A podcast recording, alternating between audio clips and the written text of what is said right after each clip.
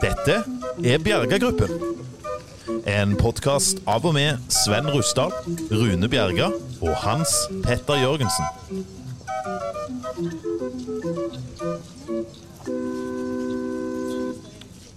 Torsdag eh, 19. november, episode 11 ruller i gang. Og eh, i dag så sitter jeg midt i en butikk i Sandnes i Langgata sammen med min gode venn Rune Bjerga. Hvordan har du det? Jeg har det fint. Vil du gjerne ha tittelen min? Jeg skal prøve igjen. Eh, med, ja. eh, kontor og rekvisita her. Jeg lurer på hvordan du har det. Administrerende direktør i Bjerga-gruppen, Rune Bjerga. Der er vi! Nei, vi har det så fint. Eh, Villa Rosa, det heter. Villa Rosa. Villa Rosa. Og det er en veldig fin butikk. Vi sitter altså, som du sier, midt i Sandnes sentrum. Midt blant sykt mye klær og handlende folk. Og så har vi en gjest i dag. Jeg hadde liksom tenkt på hvordan vi skal introdusere denne gjesten. sant? Men som vanlig så har jo ikke meg og deg en plan. Så Vi har, vi har mer enn folk tror, men det skal jo virke som om vi ikke har det. Ja. Vår gjest i dag, du, er du kjent? Du har jo spilt ishockey. Nei, hva var det du gjorde? Litt ishockey har jeg spilt. ja. Nei, det er, det er selveste. Ja, det er selveste. Hvis jeg skulle gitt deg en intro, så ville jeg sagt at uh, vår neste gjest er fra Bjørheimsbygd, men har kommet til Sandnes. Hun har en mann som heter Kenneth, og sammen sier de at vi har gode bein. Det er òg et sitat om en uh, leggmuskulatur som jeg ikke skal gå inn i, men uh, gjennomgangsmelodien er at hun er sykt flink og har sykla irriterende fort. Hun er verdensmester, hun har vært med i uh, enormt mye og er enormt dyktig. Og hadde landeveissykling eh, våre, og terrengsykling vært likestilt, hadde hun nok fortjent, hadde fått enda mer av den velfortjente hyllesten som hun skal ha med alle sine bragder. Mine damer og herrer, Hadia Tajik! det gikk nesten. Gunn Rita Dale, velkommen. Tusen hjertelig takk. Ja. Jeg eh, trynte litt på slutten der i introen, ja, men jeg, eh, jeg kjente det. For det at eh, jeg har drevet egentlig med terrengsykling. Og så hvis jeg skulle sammenligne med å vært stjerne på landevei med de resultatene, så måtte jeg vært mann, men det er jeg ikke. Nei. Nei. Det jeg ville trekke fram, er jo at ofte landeveissykling får mer oppmerksomhet enn terrengsykling. Iallfall mennene. Iallfall mennene. Ja. ja. Jo, jo, men sånn, sånn Ja. er det. Men det, det vi skal si da, det er at det som er litt kult med terrengsykling, der er vi likestilt. Og vi Ja. har holdt holdt på seg eh, like mye oppmerksomhet i media og bransjebladene som har. Og så kjører vi samme løypene, samme eh, premiepenger. eh, sånn at det, det Og så er det en, ung idrett, og det vil jo òg være litt av grunnen til at det òg er likestilt idrett. Så det er litt kult. Kult. Men hjertelig velkommen skal du være til Bjerga-gruppen. Tusen hjertelig. Jeg vet ikke hva jeg går til. Eh, heller, jeg har blitt godt betalt, så det er derfor jeg har sagt ja. Ja, Vi har fått så mye overskudd nå at vi hiver penger etter folk. Det kan jo si til deg, for det kan ikke gjentas for ofte, at eh, Bjerga-gruppen var bare et resultat av at eh, Rune Bjerga, meg sjøl, Sven Rustdal og Hans Petter Jørgensen, som nå i dag har premiere på Svartnissen på Kulturhuset. Ønsker lykke til. Ja, Vi ønsker han veldig break a leg. Um, vi tenkte liksom hva navn skal vi ha? Eh, Rustdal-gruppen, Bjerger-gruppen, Jørgensen-gruppen. Vi slo stein, saks, papir. Det ble Bjerga-gruppen. Ja. Og siden du kjenner Bjerga litt, så vet du at det er akkurat som i Nord-Korea. Det hadde blitt Bjerga-gruppen uansett hvem som hadde vunnet. Stemmer nok det. Vi er- vi er der. Ja. Men det som jeg synes er fint med deg, Gunn Rita, det er at du eh, Vi kjenner jo hverandre litt, men at eh, det som jeg liker med deg veldig godt, er at du holder den, den deilige for å si det, Ryfylke-dialekten. Selv om du står på Riks TV og, og, eller radio og, og snakker, så, så, så er du deg sjøl. Ja, det er meg og Haaland. Ja. Ja. Eh, men det å holde på dialekt, det syns jeg er fantastisk. Det er helt forferdelig å høre på noen som flytter til Oslo, og så har de vært der gjerne i to eller to måneder, to uker, to og så har de slått om allerede. Og så høres det jo så fælt ut. Så jeg tror at det med dialekter er, er viktig, eh, og det er flott. Og vi har alltid sagt at det er ikke alltid flott, kan jeg si. Nei, det er gjerne Jeg er ikke de som knoter, iallfall. Nei, nei, Men jeg, flott, men- jeg har blitt spurt det, og jeg har opp igjennom siden vi har hatt en, en, en litt sånn karriere i media òg, at eh, har du vurdert faktisk å slå om til Østland? Så hadde flere likt deg. Eh, og det har jeg sagt nei takk. Det blir ikke noe av. Men jeg har en kamerat som jobber i Stavanger Aftenblad. Jeg skal holde Geir Søndeland helt anonyme. Men han, eh, han han, har jo, han har jo slått litt om når han jobber i Oslo, og sier at det er helt nødt til å gjøre det for å bli forstått. Blir du forstått på hva dialekt i Oslo? Eh, nei, men Nei. det gjør ingenting. Vi var på landslaget nå, og jeg jobba veldig tett med landslaget de siste årene vi var aktive. Og da jeg sier med, så var det meg og Kenneth. Så vi forsto jo ikke helt de første åra hvorfor de så sånn på oss, men det var jo fordi at de ikke forsto noe når vi snakket med dem. Så måtte de konsentrere seg så veldig Å, hva er det nå de snakker om? Uh, men det gikk seg til. Vi holdt på dialekt, og de begynte gradvis å forstå oss, de unge guttene på landslaget. Det er kult. det, ja. Ja, Men du kan liksom ikke stå på, på Riks-TV og snakke sånn skikkelig eh, sånn Ryfylke-ish. Altså, da snakker jeg da, For eksempel sånn som dette her. For, for, for jeg var nemlig i et bryllup i Oslo, eh, og da snakker vi eh, Bygdøy, og vi snakker roklubben, og vi snakker hvite hatter som tema, og vi snakker altfor mye penger blant de som var der. Og da, da far, bruden sin far reiste seg opp og sa sånn som dette her. Nei, det veldig kjekt. Ja, vanner det var kjekt. Med, når du var liten, så for du ut gjennom, vet du. Og, og, og vi var ute og fiska på høvring, og, og, og det, det de, de satt jo bare sånn spørsmålstegn hele gjengen. Og måtte jo jeg opp og oversette denne talen etterpå. Ja, tok du det på østlands, da? Nei, jeg måtte jo bare få ta det på sånn litt sånn forsiktig. uh, Ja, Gi et, gi et eksempel på hvordan du gjorde da. det han prøver å si. Tid for medarbeidersamtale. Hvordan øh, har du hatt det siden sist? Jeg har hatt det bra. Jeg slapper veldig av nå, for jeg liker veldig godt folk som Jeg har ikke hilst på Gunn Rita før, og du begynner å tulle med meg allerede, og da er jeg på hjemmebane. Det er, det er fantastisk. Jeg har hatt det bra. Jeg har eh, faktisk kjent at når det snødde i dag, så ble jeg sånn for første gang veldig glad. Og ikke, Ikke sånn si julestemning. Nei, Nei, det nei, bra. Mm. nei, nei. Men, men det var litt deilig. Akkurat som lyset kom, eller uh, noe som skjedde. Så uh, jeg er blitt så gammel at jeg sier at jeg fikk det litt bra mentalt. Du vet når det snør, og så denne, denne kommer på TV-en. Neimen, er julestemning. Det tidlig, Ja, det er sant det. Vi prøvde, når Bjørnar var litt mindre, så kjøpte vi inn alle de der stedene Skomakergata. For meg, de har jo så gode minner, vet du. Vi så det ca. 5000 ganger. Kan alle scenene utenat. Og så tenkte vi han skulle bli like reven med. Det var ikke mange minuttene han klarte å fylle med av første episode, altså. Det går for seint. Men Ja, du, det, er- det er så gammel, da. Ja. er du imot julestemning? Nei, men de begynner så tidlig. Ja. Vi kan jo ikke ha julestemning i mange måneder. Bent Høie sa i går at vi skulle ha en Nå, bare, bare for, nå kan du bare gå og henge opp ekstra adventsstjerner to, tre, fire og fem og, og bare kose oss med julen og begynne å invitere julen litt tidlig. Sa Bent Høie i går. Ja, for vi kan jo ikke ha så mange på en gang, så hvis vi skal få klare å få se hele slekta, så må vi jo begynne nesten nå, da. Det blir mange julaftener, jo. Men du sa jo ha Gunn en Rita, person på ikke, ikke jul, sa du. Til, jeg håper ikke det var jul du syns var julestemning. Og det Jeg er akkurat sånn som deg. Jeg syns de begynner altfor tidlig. Mm. Men eh, så har jeg en kjæreste som i dag sendte bilde 'God jul', for det, det snødde sånn med hua, liksom. tenkte jeg. Der Og må da- jeg bare stoppe deg. For forrige sending så var det liksom Da, da var det ikke helt kjæreste. Da skulle du spørre henne om det var greit at jeg brukte det ordet. Og nå er det kjæreste, altså. Ja, det er det. Ah, så flott! Det var min subtile måte å si at eh, jeg tok opp, for hun hørte på den, og så sa hun er det meg du snakker om. Så sa jeg at det, det er jo fader ikke noen andre. Hva er det, du forestiller deg? Og så sa hun jo nei, men det er greit at du sier det, da. Uh, Ok. ja. Så Men ja. så vil hun, vil hun ha penger for det, for hun er fra, hun er fra Vigra og Ålesund. Så nei, da, det er hyggelig, det. Så det har skjedd siden sist. Hvordan går det med deg, Rune? vet du hva, eh, det går ganske så greit. Det er litt å gjøre. eh, Som digital digitalkomiker om dagen. Det er veldig kjekt. Forrige helg hadde jeg jo faktisk to ganger show i Sandnes kulturhus, siden vi sitter i Sandnes. Mhm. Da var det 200 mann på hvert show. Det var nesten som å føle som at, at alt var helt fint og Ja. normalt, faktisk. Og så uh, syns jeg vi var uh, litt morsomme i går. Jeg pleier aldri å si det om meg sjøl, men i går var vi litt galne i hodet. Karl Erik Pallesen og meg. Asfalt har jo da gitt ut en ny kokebok, trykt opp i 19 000 eksemplarer. Og de skulle ha en lansering, spurte litt om råd. Hvordan gjør vi det? Ja. Så heiv vi meg på, så jeg, da vet jeg hvordan vi gjør det, tror jeg. Vi har bokbad i Vågen i, og holder smittevernet ivaretatt. Og sitter på hver sin side av Vågen. Vi målte opp til 37 meters avstand da. Og der satt vi og skreik til hverandre.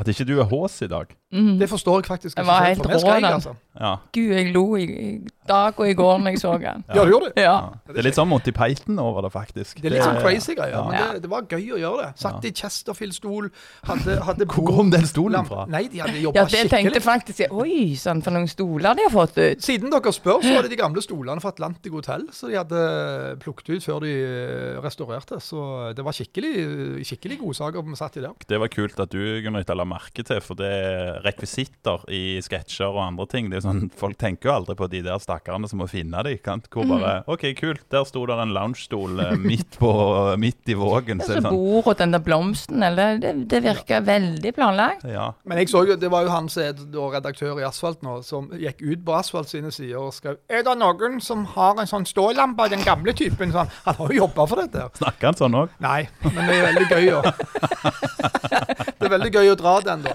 Men det ble vellykka, og, og det syns jeg er litt gøy i disse dager. Bare være på hele veien og gjøre litt syke ting, så gjerne òg blir lagt merke til. For litt fra hjertet mitt mener jeg at det, det er såpass mye tunge nyheter der ute at det er kjekt å balansere med litt gøyal stoff Ja. uh, innimellom. Når jeg var liten, så ville jeg bli eh, sportsjournalist i NRK. Eh, det ble jeg jo ikke, som for jeg sitter her. Nå kan du leke litt nå, faktisk. Har min egen pod nettopp. Nå må du ikke foregripe saken her, for nå skal jeg for første gang i livet egentlig spørre deg om hvordan du har det, Gunn men da får jeg spørre deg hva føler du nå? Jeg har det stort sett bra. Eh, litt eh, mye hjemmekontor, syns jeg. Men så lenge jeg får være litt ute i frisk luft og kombinere med litt kontor på der jeg skal være på kontor, og litt hjemme, så går det stort sett bra. Kan jeg spørre hvor du jobber henne? Jeg jobber i Trygg Trafikk, eh, Rogaland fylkeskommune, med sykkelopplæring for Rogaland.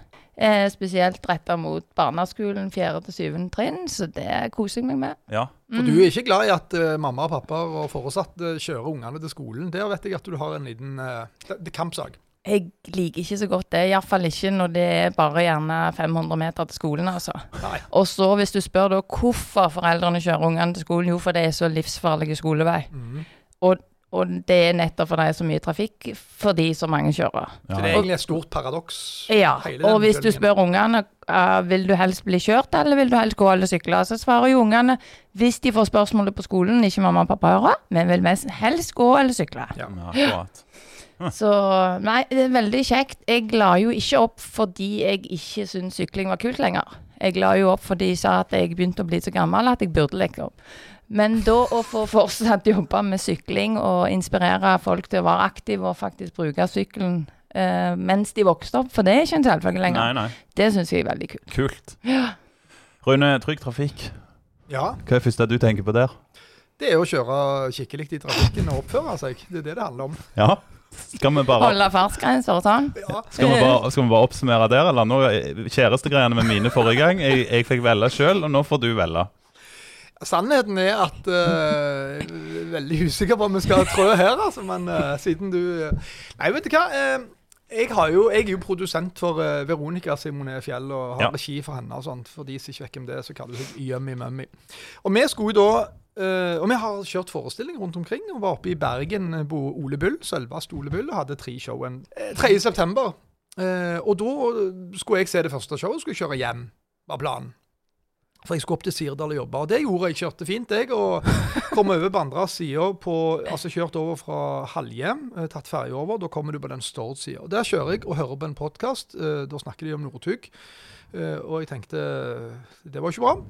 Eh, så da har jeg altså da klart å kjøre forbi et 60-skilt uten å se det. Og det er fra hjertet ment. Mhm. Eh, og da kommer det masse blålys. Og da snakker vi ikke litt blålys, vi snakker om at det her er med overdose Vi snakker ikke om litt Vi blålys. snakker, sånn Gjert Ingebrigtsen ville sagt det var ikke litt blålys, det var jækla mye blålys. Og jeg tenkte helt fra hjertet da at nå er det et eller annet at jeg har vært litt over, eller så er det da en rutinegreie. Eller skal de bare forbi? Det var mye som sveiv i hodet, men jeg var helt avslappa. Jeg tenkte ikke at dette var alvorlig. Så stopper de meg, og så, for det er meg. De skal ha ingen plass, det er meg. Og jeg tar ned vinduet, og så sier jeg dette, altså. Ja vel, er dere ute og ruller? Det sa jeg faktisk. Og da sier han «Eh, ja, det er i hvert fall du. Og da kjente jeg at jeg ble skikkelig varm. Hvordan så så sier jeg- ansiktet hans ut da? Nei, han var ganske alvorlig. Uh, og da ble jeg veldig alvorlig. For jeg uh, er ikke en råkjører, ser du. Men eh, det som jeg hadde gjort Jeg hadde da kjørt i, i 80? Jeg hadde kjørt over 80, altså 88, jeg skulle være helt ærlig, i, Mm. i 60. Og ikke sitte i skiltet. Og la meg selvfølgelig langflate. En øde strekning, mørkt, tørt, midt på kvelden, lite bil og sånn. Men OK. Jeg la meg langflate og sa det akkurat sånn som det var. At dette har jeg drevet meg ut på, men jeg har ikke sett skiltet. Jeg vet jeg ble trodd på det. Mm. Men eh, de gjorde òg jobben, som jeg òg setter egentlig ganske stor pris på at de gjør. Så han eh, ga ikke etter for verken venner eller kjente der. Så han eh, Da hadde jeg to kilometer for mye. Altså jeg hadde kjørt to kilometer for mye. Hadde jeg kjørt i 86, greit, bot. Her var det 88, to over, bot. Og inndragelse av førerkort i tre måneder. Rune Bjerga, du har mista lappen. Jeg har slett mista lappen. Du tar det som en mann, og du fortalte det i en podkast, og det er steintøft, og det står det respekt av. Jeg kjente dette var litt vanskelig å snakke om, men det gjorde Men det var, det var uh, også, må jeg bare si sånn Jeg var, hadde veldig fine toner med dem. De var veldig snille, og, og, men på jobb. Og så sa jeg hva, hva gjør vi nå, da? Nei, nå skal du få lov å kjøre bilen fram til i morgen klokka åtte. Eller du skal få lov å kjøre den der du skal. Så sa jeg ja, men jeg skal opp til Sirdal og jobbe der. Jeg skal ha to forestillinger i helga. Går det greit? Ja, det skal du få lov å gjøre. Du kjører den opp til Sirdal, så setter du den fra deg. Jeg kjørte i 79 80. Jeg kjørte i 59 i 60. Et sted oppe i Hundedalen opp mot Sirdal så tror jeg jeg gikk ut av bilen og kikket litt og prøvde å skue den, for jeg var usikker på hvor fort det var. Jeg var altså så skeptisk. Så satt jeg bilen fra meg. Jeg våkna dagen etterpå. Det mest patetiske øyeblikk kanskje i mitt voksne liv. Jeg lagde meg en kaffe. Jeg sto i vinduet og kikket på bilen og holdt på å grine. Nei, men det der, Rune, er, er tøft. Um, Men du verden så kjipt. Mhm. Og så kommer vi jo inn på det fordi du jobber i Trygg Trafikk. Um, skulle ikke dere to jobbe sammen? Har jeg hørt noe om det? Jo, jeg tror du ringte meg nesten dagen etterpå, for da hadde vi planlagt Vi skulle faktisk lage en litt, litt sånn humoristisk versjon av det budskapet til foreldrene, at la ungene sykle og gå til skolen. Da blir òg skoleveien tryggere. Ja. Og så, Da så hadde vi planlagt at han skulle være i bil med masse unger og masse sånn kaos på morgenen fordi vi skal nå skolen, men det hiver de inn i Vi skulle ta det der vi Ja. snakket om i stad. Kjøre det. Så, at han, så ringer han, vet du hva, nå må jeg bare være ærlig. Hva, hva skjer nå? Jeg har faktisk mista lappen. Eh, så da måtte jeg ta en runde med mine, og da gikk ikke det samarbeidet i den omgangen. Hva var det første du tenkte når han sa det? Eh, Ærlige, sa du. ja, jeg sa det. Eh, og ja, eh, for det, det hadde vært mange som hadde gjerne bare tenkt ja, drit i det. Og egentlig så tenkte jeg først i mitt hode òg ja, men vi skal jo ikke ut og kjøre bil, men så er det jo selvfølgelig Trygg Trafikk den det, den det står for, så, så klinger det jo ikke så godt. Men, men. Du får jo lappen igjen, så vi Får gjerne gjort det. Alle har det bra. Rune er tøffe som fortalt og har lært ei lekse, og Trygg Trafikk er der av en grunn. Mm, Og det var dønn seriøst. Mm. Jeg vil bare si noe enda mer seriøst. At når du kappa meg for den jobben, det var det som gjorde at vi måtte selge huset vårt.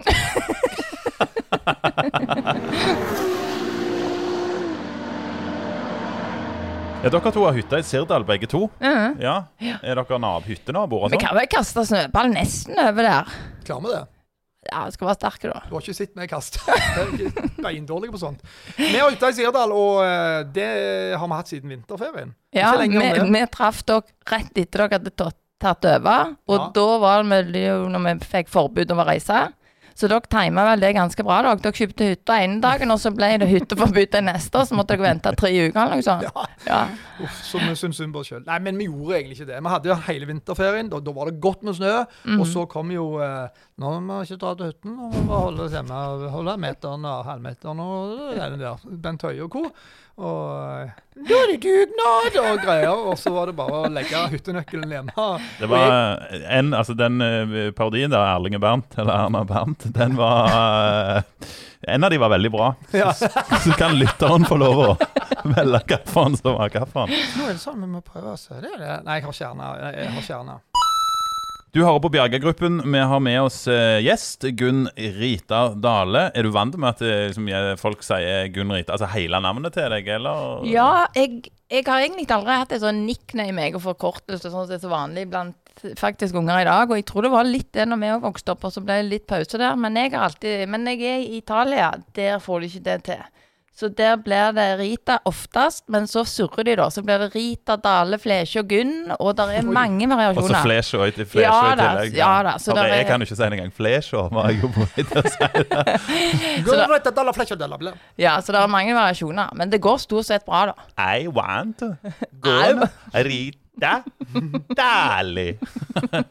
Men har du noe eh, Altså, de kjenner deg jo av syklinga. Eh, har du noen utdannelse utenom syklinga? Nei, det er ikke vits i, da. Nei.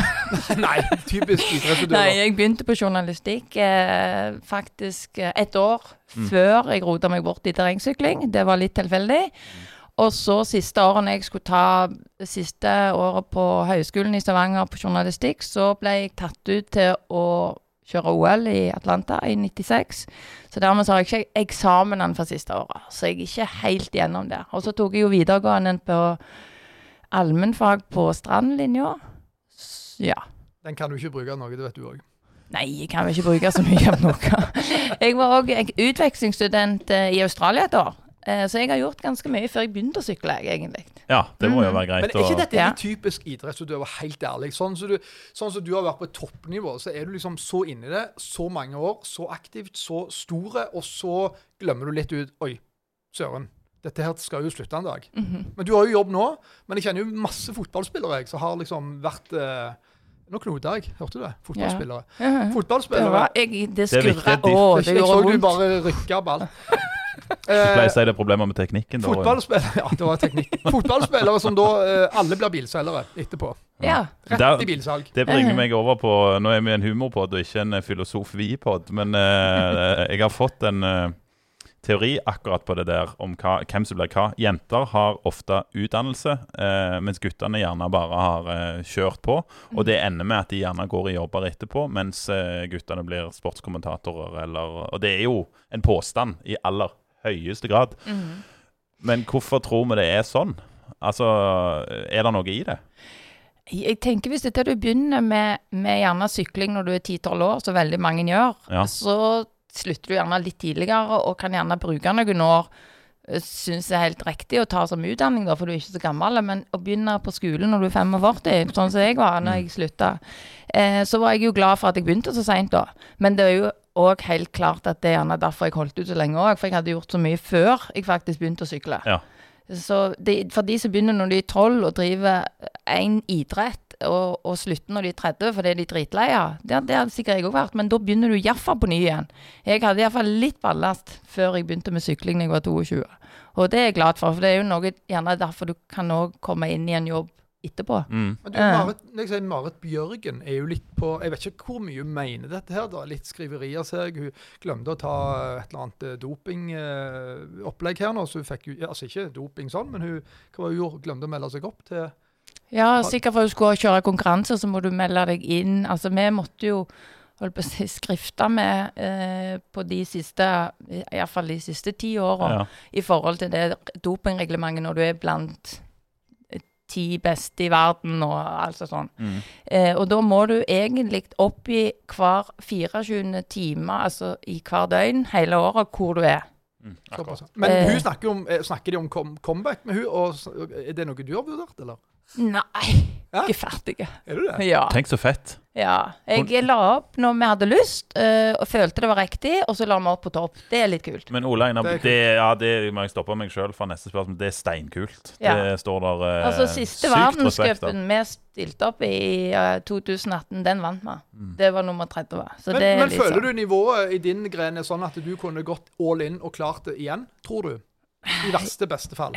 Ja. I verste fall for de andre, i beste fall for deg. Nå har jeg hatt tre operasjoner siden jeg la opp, så jeg, det begynner jo å henger ikke helt i sammen lenger. Hvis jeg hadde gitt deg en sykkel nå, sånn på toppen av dalsnuten Jeg vet jo du trener, men hvis du bare hadde fått den og bare vær så god, hadde du bare Sykla ned, liksom? Ja. Ja, jeg, eh, jeg er nok litt mer forsiktig for jeg har sykla så lite i terreng. Og det er jo litt ferskvare, det å sykle iallfall sånn steinrøyser og det, det, det groveste. Mm.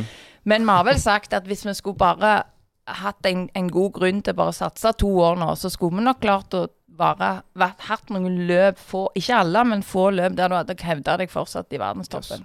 For det at du vet virkelig hva som må til etter så mange år. Ja, det gjør du. Men du må ville det. Mine tenner hadde ligget strødd i hele heia der. Jeg, jeg hadde knust alt i hele, hele kroppen der, jeg. Jeg har prøvd det akkurat. Ja. For jeg har tenkt som deg at uh, Jeg ser du ser litt annerledes ut i dag. Ja, uh, med, med en skulder som har gått litt ut av ledd. Fordi jeg som 21-åring tenkte at det som bl.a.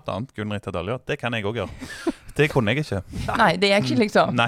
Jeg har tatt noen Eh. ribbein, men jeg har egentlig aldri brukket noe. Men idretten har jo ut, altså forandra seg sinnssykt fra jeg starta til siste år jeg hadde. Det to forskjellige verdener, egentlig. Ja. Så vi måtte jo tilegne oss en ny idrett rundt 2008-2009. Da begynte det å skje ganske mye rare, rare ting. Men eh, jeg har hørt òg at eh, litt av hemmeligheten din Du er aller best på å fordele krefter. Du er best på å sykle seint. Jeg var best på å sykle seint. Og selvfølgelig så ble jeg sånn Ja, men det er jo ikke et kompliment til. Ja, ja.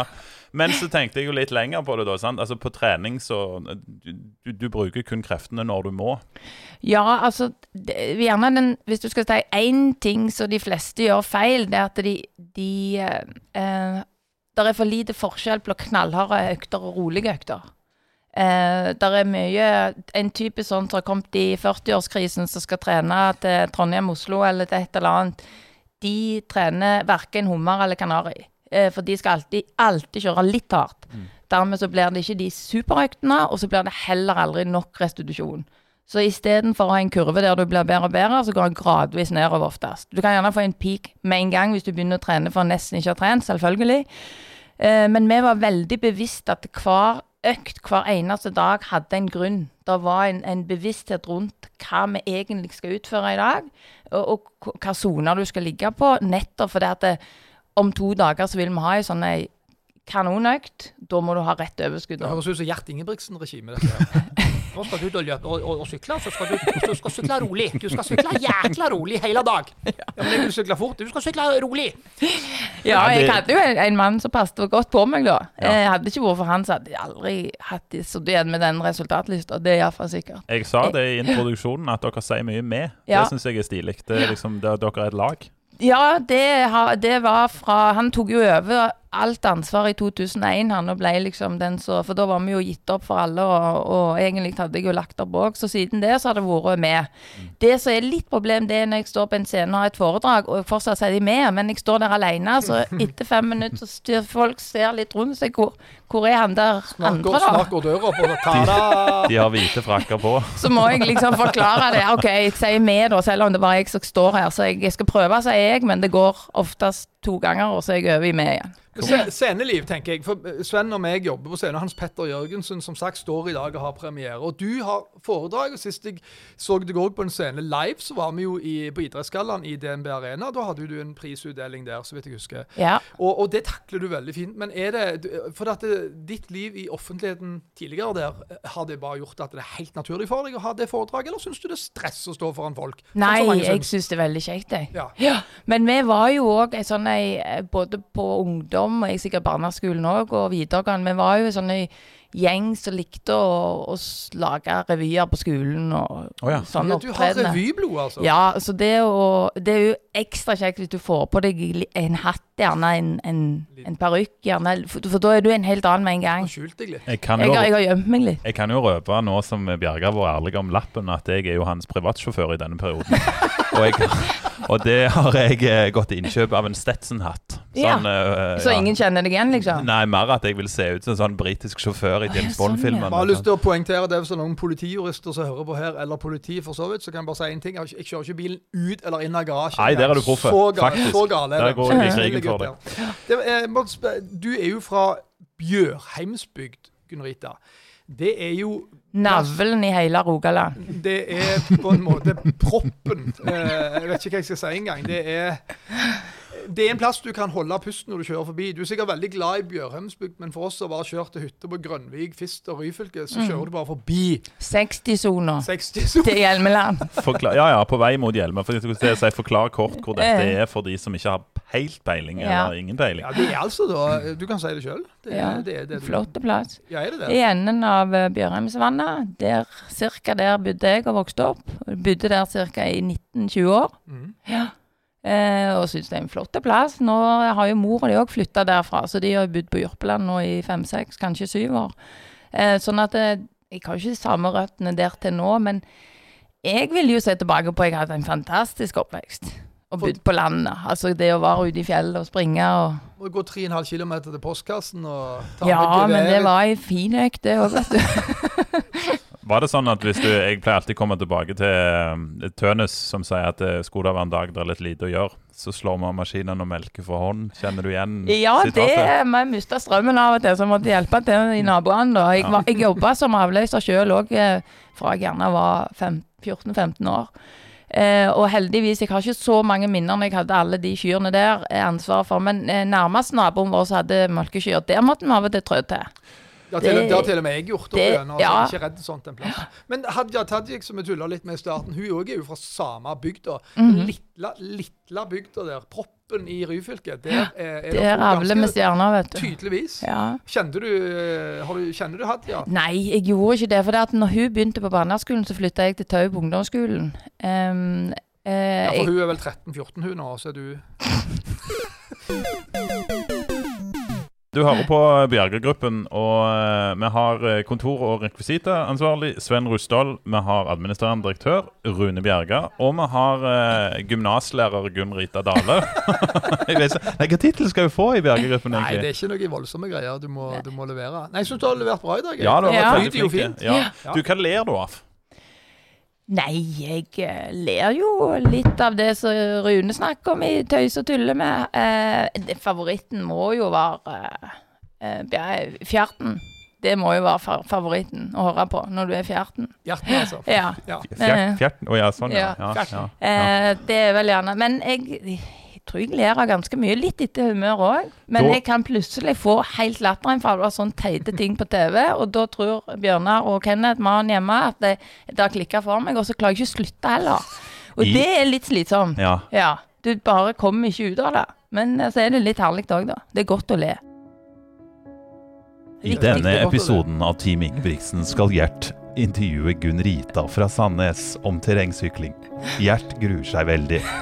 Ja, nå har jeg ikke peiling på sykling, men jeg tenker at er det bare å trø, eller må du tenke litt eh, for hvert trøtak, eller går, det, går beina av seg sjøl, eller er det, er det en følelse bak hvert eh, eh, hjul som går rundt, for å, for å si det sånn? Nå er det jo ganske enkelt, for nå er det mye elsykler. Ja, det var det jeg har. Jeg har elsykkel. Gjert er ikke fornøyd med svaret. For Ole Klemetsen, som hørte på, har han følgende oppsummering. Nei, jeg synes det er imponerende av Rita Gunn Flesjå at hun kjører på. Nei, ja, vi, kjører, vi koser oss litt med det samme. Men vi har, en, eh, vi har, en koselig, har ikke en ganske koselig, eh, trivelig eh, pod? Ja, jeg eh, syns det.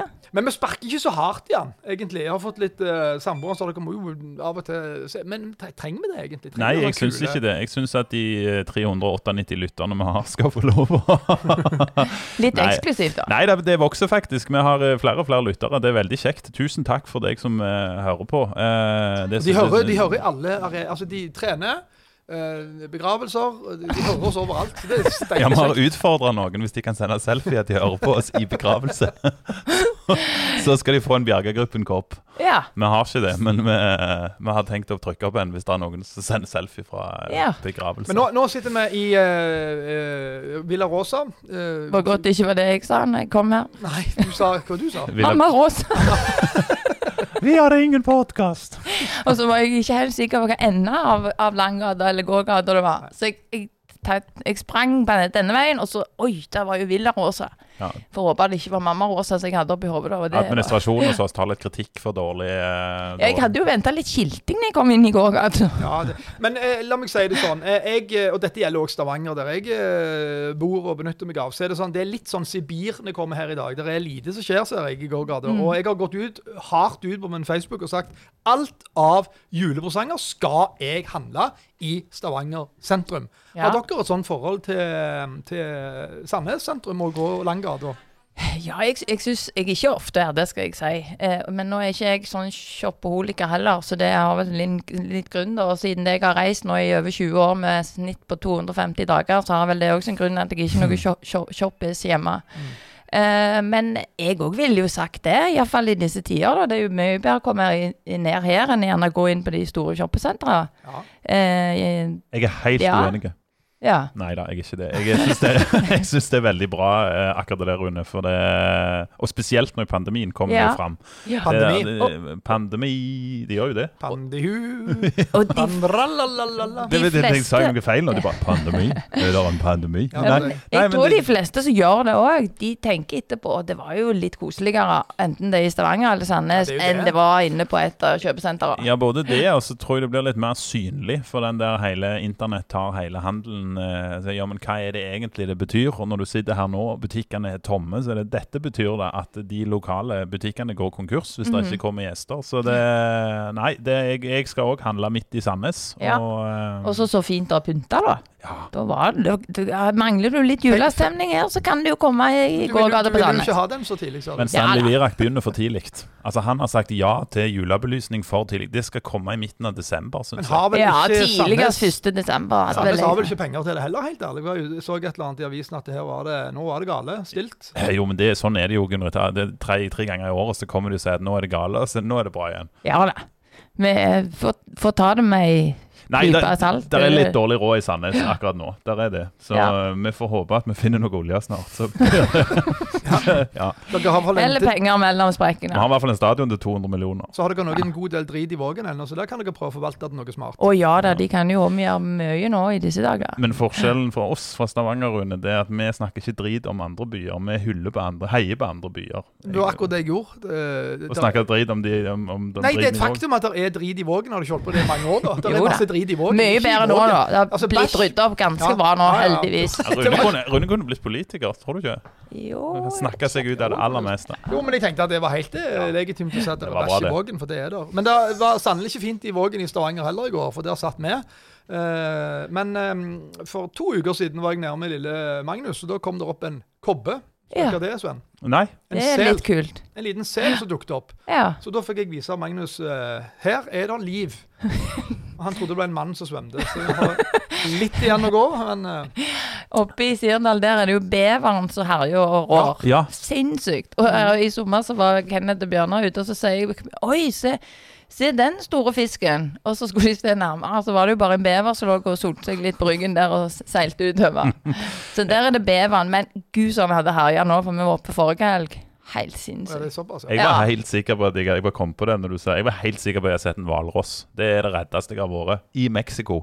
Bare ta dere med på en reise her veldig kort. Eh, hadde fått eh, dama på kroken eh, helt nærme sjøkanten. Det er noen år siden. dette Var det en her. metafor, eller var det en dame? Det var ei dame på ja, kroken. ja. Det var en metafor.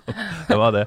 Og så sitter du der på ei solseng og prater, og der er solnedgang, og så blir det mørkt, og så plutselig så tenker jeg hvor mange øl har jeg drukket, for der er det en hvalross rett foran meg. Det var sånn der. Og det var Jo, da- så- så var det det som var dama? Nei, nei, nei. Så jeg ser på henne tenker heldigvis var det ikke det, det ser bra ut. Og så ser jeg for at det er fortsatt en hvalross foran meg, og så sier jeg liksom This is a walrus. Eh, og så begynner hun òg å hyle. Og så tenker jeg shit, er det faktisk en hvalross her? Hva er det jeg har pusta inn for noe?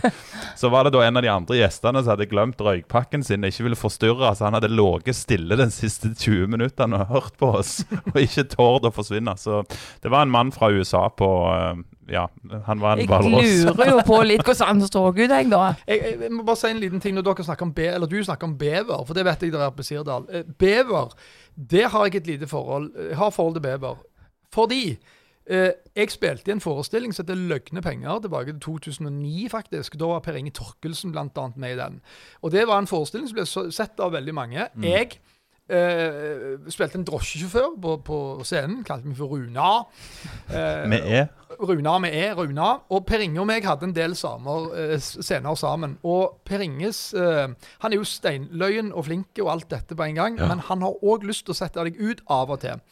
Så på et fast punkt hver gang i den forestillingen der, så sto jeg og så på den med 450 mann i salen. Og da visste jeg at det kom et eller annet, men jeg visste aldri hva det var. Og noen av de tingene tror jeg ikke jeg har lyst til å gjenta engang, for det var så sykt over kanten. Men en gang så sa han i hvert fall Din blødende beverpilt. og, der, og da skal du prøve å holde deg. Det klarte ikke jeg. Din blødende beverpilt. Ja, men jeg ser det når du er på sånne noen revyer, og du ser at orkester holder på å dø. Ja. Da vet du de er helt ute å kjøre av manus. Iallfall hvis du vet at det er en forestilling som har gått i mange uker. De kan alt utenat, og så ser du Dag Schreiner tror jeg òg er flink til å gjøre en liten vri, sånn som Per Inge. Og så ser du bare orkesteret holder på å dø bak dem, og da vet du nå er de helt ute av manus. Men tror du, det, tror du at det, alle publikummere vet det? For du er jo ganske observant på dette her. Ja, da ler jo jeg bare enda mer, for da ler jeg jo ikke av de som står på scenen. Da ler jeg jo av de som litt står bak der og ler. Så da blir det jo en liten pause. Da får jeg jo ikke med meg neste poeng. Det er jo li litt irriterende. Må var gå en gang til det. Jeg tror det var Sally Nilsson, siden vi er veldig lokale nå. Men så hadde hun da uh, en fantastisk, eh, eh, fantastisk skuespiller og, og komiker og alt er vel Sally. Hun er jo bare uh, skjønne dame. Og hun eh, er jo òg der at du finter litt ut eh, motspilleren og, og, og bruker litt krutt på det av og til. Og Ja. eh, så vidt jeg har forstått, så, så gjorde hun det i en forestilling ganske ofte. Så sto hun og så på motspilleren, så, så sa sin replikk, og så sa hun Ja, OK, ja, det var nytt for meg. ja, sant? Og så, så sant? 450 mann bryter sammen i latter, og så prøver vedkommende å komme seg inn igjen. Det er ikke lett. du. Så ler hun litt. Er det noen sånn i eh, din verden? Sånn der eh, Det er en veldig eh, brå overgang, men det er sånn type sykling, da. Altså, eh, Når dere setter hverandre ut, hvis dere trener sammen, eller ting dere gjør for å kødde med den andre. Hun har lagt opp. eh. Ja, men, de, Ja, sy- men du det- sykler jo ennå. Du, du er oftest hvis det er du har et hardt løp da, og, og du ligger gjerne og kniver helt i teten, og en av de drikker, så er, er jeg er så gammel i, i drift at jeg kjenner at OK, hun begynner å bli sliten. For det, du drikker ikke når vi er i den situasjonen vi er i. Ja. Så hun skal prøve å finte meg ut, da, eller oss andre. At hun kan til og med drikke. Ah. Eh, og late som om hun ikke tar i, for vi alle, alle andre holder på å svime av av de som ligger i den gruppa. Ja. Så den går ikke jeg på. Så det er jo noen sånn noen taktiske. Ja. Eh, og så er det gjerne noen sånn uskrevne regler, sånn som det òg er på landevei. Er du ung, altså, så må du ha, ha si, respekt for de som er gjerne litt herda og litt uh, Står med litt og de, de unge som kommer inn, de noen av de, de kommer inn der med null respekt. Og det er ikke alltid så populært. Det, Så da kan de få en liten smekk. Ja. Mhm. er det veldig sånn direkte tilbakemelding, da? Eller er det den pedagogiske tilnærmingen på det, hvis du Nei, jeg, jeg, Har litt jeg, jeg, kan godt gå bort og si til en unge sånn Altså, imponerende det du har fått til, men sånn du eh, tok den svingen og presta, det er ikke akseptabelt i vår idrett. Hvordan reagerer de da? Nei, ofte, så iallfall for min del, da, som har et, et, et navn og vunnet mye og stor respekt, så var det ja, du, du har nok riktig der. Ja. Takk for at du sier ifra. Kjenner Og det er jo gjerne fordi du mister litt hodet i situasjonen. Det- Det var gjerne ikke bevisst av de. Jeg er jo litt sånn Av og til, Rune, sier du med en vennlig stikk i sida til meg at eh, Nei, men det er rett, det, Sven. Det tar tid, dette her. Men, eh, og for meg er det litt sånn når jeg ser på Tour de France, da, som er landevei, så forstår jeg det ikke. Altså, jeg, jeg, forstår, jeg, jeg finner ikke gleden i det. Og så Nei. tenker jeg at det er fordi jeg ikke forstår det. Typisk det en syklist vil se. Mm. Det er en eh, med Ja, nå gjorde de sånn og sånn med flasker, nå gjør de sånn og sånn med hjulet. Og da blir det sånn der, Da blir det jo gøy, plutselig. Ja, eh, jeg kan godt bli eh, veldig opphengt i eh, etapper. Og så er det jo klart at det, det er jo kjekkere når vi har nordmenn òg, da. Altså, vi har hoppet i sofaen med noen ganger når Christer og Alex har, gjort store ting, og noen andre norske. Så vi blir fort med. Men jeg kan godt forstå den som ikke har peiling på sykling. Altså, sitte og se time ut og time inn. Det skjer jo gjerne, det går gjerne tre-fire timer der det ikke skjer noe engang. Så jeg kan godt forstå det. det. Tok ungene med ned til Stavanger sentrum for å se på en av de der løpene som gikk der. Med, Ja. Hva heter de, da? Eh, Det er jo han eh, Sikkert Tour de Fjord. Tour de Fjord, ja. Så, så, så ja eh, eh, Roy eh, Hva heter de? Roy, Roy, Roy Hegerberg Roy, og ja. den gjengen som står bak. Så, så, og vi tok ungene med ned, skulle stå og se på dette Ja. her. Eh, glede oss. Og så Nå kommer de! Der er de forbi! Altså, det, går jo, det, er jo ikke, det er jo sykt lite publikumsvennlig på en måte. Ja, så sinnssykt. Det skjer jo ingenting. Og hvis du skjer ganger- veldig fort, det som Hvis du ganger den med 20, da, de som reiser i to uker ned til Frankrike for å Det- det endelig forstår ikke jeg. ja, ja. Og så setter de seg i en sving, og så bare Nå kommer han, nå kommer han, nå kommer han, nå kommer han. Der var han. Og i den svingen har de gjerne sittet i to dager for å komme der til. Ja. Sant? Og så tar det to dager å komme ned igjen, for det er jo så mye folk. Så de står jo egentlig bare i kø. Eh, det hadde ikke jeg heller Og så kommer de hjem igjen og sier 'beste som har skjedd i livet'. Ja. mitt». Husker ingenting, men. Kunne vite daleflesjer. Jeg husker ingenting, men det beste jeg har opplevd. Kan gå sin næringen, eh, Gunn Rita, tror jeg, Rune. Veldig bra. Jeg avbryter, kjente jeg var ikke meninga. Du, eh, Gunn Rita. Flesjå Nei, Dale Flesjå var det. Gunnerita Dale Gunnerita Dale Dale Misse, Misse Dali, Gunnerita. Høres rett ut som jeg er i Italia. Gunn, Rydda. Du, det som jeg eh, Hva er, høy, hva er ditt absolutt Dette er jo klisjéspørsmål, men hva er høydepunktet ditt i din karriere som Ja, var Det har jeg aldri fått før det Jo, spørsmålet. men bare svar veldig kjapt på det. Runa. Vet du hva, det er helt umulig. For, det at det, eh, for oss så ble det eh, Det har vært så mye eh, epoker i karrieren vår. Så at du har vært nedkjørt og utbrent og helt nede for telling. Eh, vi hadde noen år der vi var litt ute, vi ble foreldre, og ingen hadde tro på oss igjen. Sånn at hver Vi har ti VM-gull. Alle har sin historie, egentlig. Ja. Eh, og det har òg OL-gull har sin historie. Eh, men det er jo klart at hvis du skal tenke at OL nådde ut til sykt mye folk som òg ikke er interessert i Mm. idrett, så er jo det én ting. Men selve arrangementet er jo kjempelite, for det er jo nesten ikke publikum. Er du på en verdenscup, så koker jo i alle svinger, og det er bare en sirkus uten like. Sånn at, eh, og VM det blir noe spesielt igjen, for da kjører du med, med landslagstrøya, og du representerer landet ditt og Norge. Sånn at vi har vunnet så sinnssykt mye at vi klarer ikke helt å sette fingeren på eh, ja. Sven, Sven er veldig flink på, i forhold til meg. Så, så jeg har jo, føler selv jeg har gjort en del ting som jeg skal være veldig stolt av, og er det. Mm. Men så, så sier han sånn Får du av og til tid til å Sånn så fylle opp en DNB Arena, så var det litt sånn kule ting å gjøre. Og det er jo det, sant. Men så, så du er så inni det, oppi det, og du har lyst til å gjøre det så bra, så sier Sven Der er han bra. Sånn. Men tenker du litt over at eh, tenk, Koser du deg med det som skjer nå, eller er det bare sånn Sant? Og mitt poeng, samme hva du driver med, tror jeg, på et visst nivå, det er at du, du, du er så mye på jobb og på Mm. det at du ikke tenker Du reflekterer ikke sånn, tror jeg. Jobber. Nei. Og vi òg, vi visste jo at det vi gjorde i går, ikke er godt nok for i morgen. Så vi kunne le vi kunne ikke hvile på det som vi gjorde i går, liksom. Så vi pakket fort vekk gullmedaljene, for vi var jo på, og vi skulle jobbe mot nye mål. Så det er jo nå etterkant de to årene vi har hatt av, at vi egentlig har klart å fordøye det og tenke tilbake at vi orker.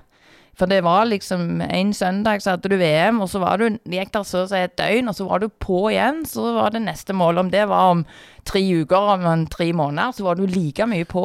Setter du deg ned uh, i dag, nå som du har lagt opp med, med Kenneth, og ser tilbake igjen Jeg på har ikke lagt opp Kenneth, de er sammen ennå. Ja, vi gjør Da det. Da takker vi for Nei, jeg Nei, spørsmålet er sånn, om, du setter deg ned og, og typisk ser på bilder, eller ser på bragder, eller ser på det du sier om landslagstrøye. Det som må være helt åpenbare gode følelser for dere. Ja, det kommer vi snakker titt og ofte om det vi har vært igjennom, og det er ting som trigger gjerne. OK, nå er vi tilbake igjen til EM i 2011, når vi hadde Bjørnar med oss. Han freste rundt på sånn i løpesykkel, husker du veldig godt. Det var i Slovenia. Eh, og han eh, fotografer etter han, vet du, men han ville ikke bli tatt bilde av han, men de skulle ha bilde av han, så han fred, du ser bare bilde av foran deg med han i masse fotografer Ja. springende etter seg, og han så en rakett, vet du, på den der løpesykkelen. Hvordan har han hatt det med kjendisforeldre? Um, han har jo vokst opp med det. Han var i Italia da han var ja, han var på podium når han var tre måneder. Han i Italia, den, eh, den eh, italienske mesterskapet maraton, som vant vi. Og da husker jeg at jeg hadde en sånn en natt der han hadde vært mye våken, og tenkte uff, jeg vet ikke om jeg orker å starte engang. For vi måtte liksom ta, ta, ta en dag om gangen. Og så ble det en sånn en dag der du plutselig var i ledelse. og tenkte ok, litt kult òg. Og så kommer du på podiet, så var jeg òg regjerende verdensmester, da, som har minner og bilder fra podiet der du står med regnbuetrøya med lille bjørner i hendene. Eh, så det, det var ganske kult. Siden jeg har vært så veldig ærlig i dag og snakket om at jeg kjørte litt for fort, har, har, eh, har den uh, satsingen som ligger så høyt oppe på det nivået som han har gjort, har det gått på bekostning av Bjørnar? Eh, nei, jeg tror at vi hadde faktisk mer tid med han. Hvis det, eh, altså Hadde vi hatt vanlig jobb, eh, åtte til fire, så tror jeg vi hadde mye mindre tid med han enn det vi har hatt faktisk i vårt liv som idrettsutøvere. Men du Så har det har vært fantastisk. Du, han har ikke amma deg mens du har sykla terrengløp? Eh, han og andre aldri amma meg, men jeg amma han Ja. til han var ett år. men jeg husker når vi vant eh, e EM.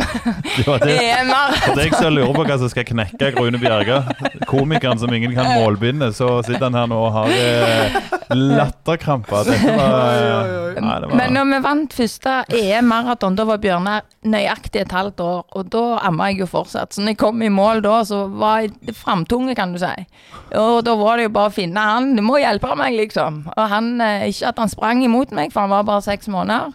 Eh, og da ble det litt sånn, eh, litt sånn fjolsing med den der melka der. Den må det være mye laktat i, og mer eller mindre surmelk, sikkert.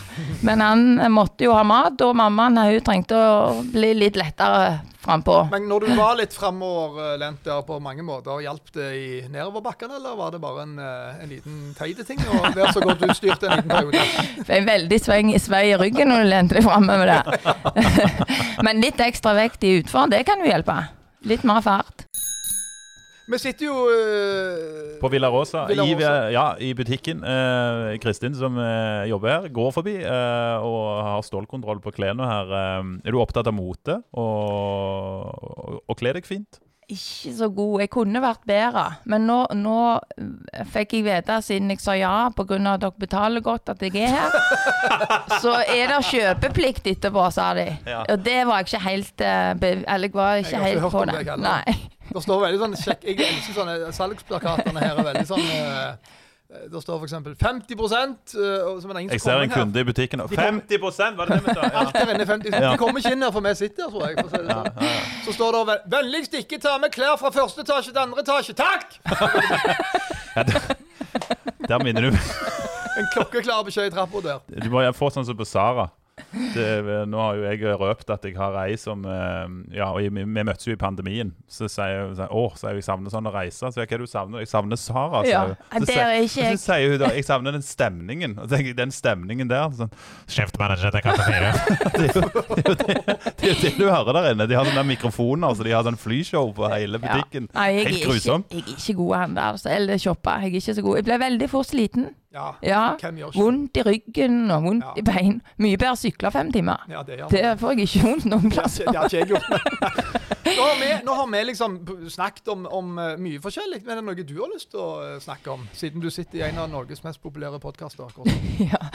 Nei, jeg, jeg syns det er kult å gjøre noe sånt. Noe. Ja, jeg snakker om litt sånn dagligliv og ja. Tusener på tusener på tusener av ambisjoner og et par og øh, 43 lytter, eller noe sånt. Er det ikke det, Ja. Rune? Men vi har liksom lagt ned podkasten, og så har vi tatt den opp igjen. Så vi har litt sport i at vi har det så gøy med den, og veldig kjekt i dag. med Ja. Gunn-Rita og deg Ja, virkelig. Det var gøy. Men så legger vi gjerne ned. Og så unnskylder dere når dere må ta den fram igjen. Ta den fram igjen Ja. og kose oss. Men nå har vi jo mer og mer lytter, dessverre, så nå må vi Ja. holde holde liv igjen. Ja, men hvis jeg skal si da noen ord til slutten Jeg skal ikke oppsummere, det skal jeg ikke. Men eh, jeg vil bare si bruk bilen mindre, sykle mer. Eh, det er mye opplevelse som følger med sykling. Uh, og Rune, han, siden da han ikke har lapp lenger, altså bil, For kan kjøre bil, igjen, altså. Hallo, hallo. så har jeg regner med du har blitt en raser på sykkel, da. Jeg har blitt en raser på å gå. Ja. Ja. Eh, men jeg tenker Du har blitt en raser på å sitte bak i bilen når jeg er sjåfør okay, for deg. Jeg har fått fast sjåfør. Han sitter der til Sven Rusdalg. Gratulerer med ny jobb. Ja. Jeg måtte til og med se butikksjefen her i øynene og si at jeg skulle noe. Jeg skal kjøre han hjem, for han har ikke lappen. Men det som også er et faktum, som, som folk høyst sannsynlig ikke tror på nå, ikke du heller, Gunn Rita, men han har da fått eh, Eller eh, det har du sikkert vært på nett, og bestilt en sånn skikkelig sjåførhatt. Så jeg sitter bak. Vi holder jo avstand, koronaavstand, og er flinke å holde ja. meteren, sitte bak og prøve å ta, holde seg meteren med halvannen, som Bent Høie ville sagt. Og så sitter han framme med sjåførlue, så har vi det morsomt med det, da. ja, Gunn Rita Dale, tusen hjertelig takk for at du kom til oss i Bjergegruppen. Takk for at jeg fikk være der. Får håpe vi får til noe i Sirdal, var det ikke det vi snakket om? Jo. I lavvoen deres, det nye. I lavvoen eller Gapahuken Gapahuken, eller som jeg egentlig. Eldhaus, Å, som ja. det heter òg på fint. Ja, men Det blir kjekt for de som har hytte i Sirdal. Eh, Ja. Så skal jeg sitte hjemme og tenne i peisen og kose meg. Nei, men hvis vi holder avstand, så kan du få lov til å komme akkurat for seansen der. Det var ikke det jeg fiska etter. Helt til slutt, Rune. Bent Høie pleier jo å avslutte. Kan du gjøre nok en påminnelse om eh, det som er viktig med å holde meteren, og sånn at det blir enkelt for folk å forstå? Vær så god. Nei, så jeg har sagt som om vi prøver å lette at folk ler av dugnaden, men det er noe litt oppi. Da syns jeg det er viktig. Og, og det som jeg òg anbefaler den norske befolkningen å gjøre, er å ha ikke ei, ei, et juletre i år, men gjerne ha fire-fem juletre rundt omkring i hele huset for å påminne seg om at vi har Og nå var det kjekt. Dette er Bjerga-gruppen. En podkast av og med Sven Rusdal, Rune Bjerga og Hans Petter Jørgensen.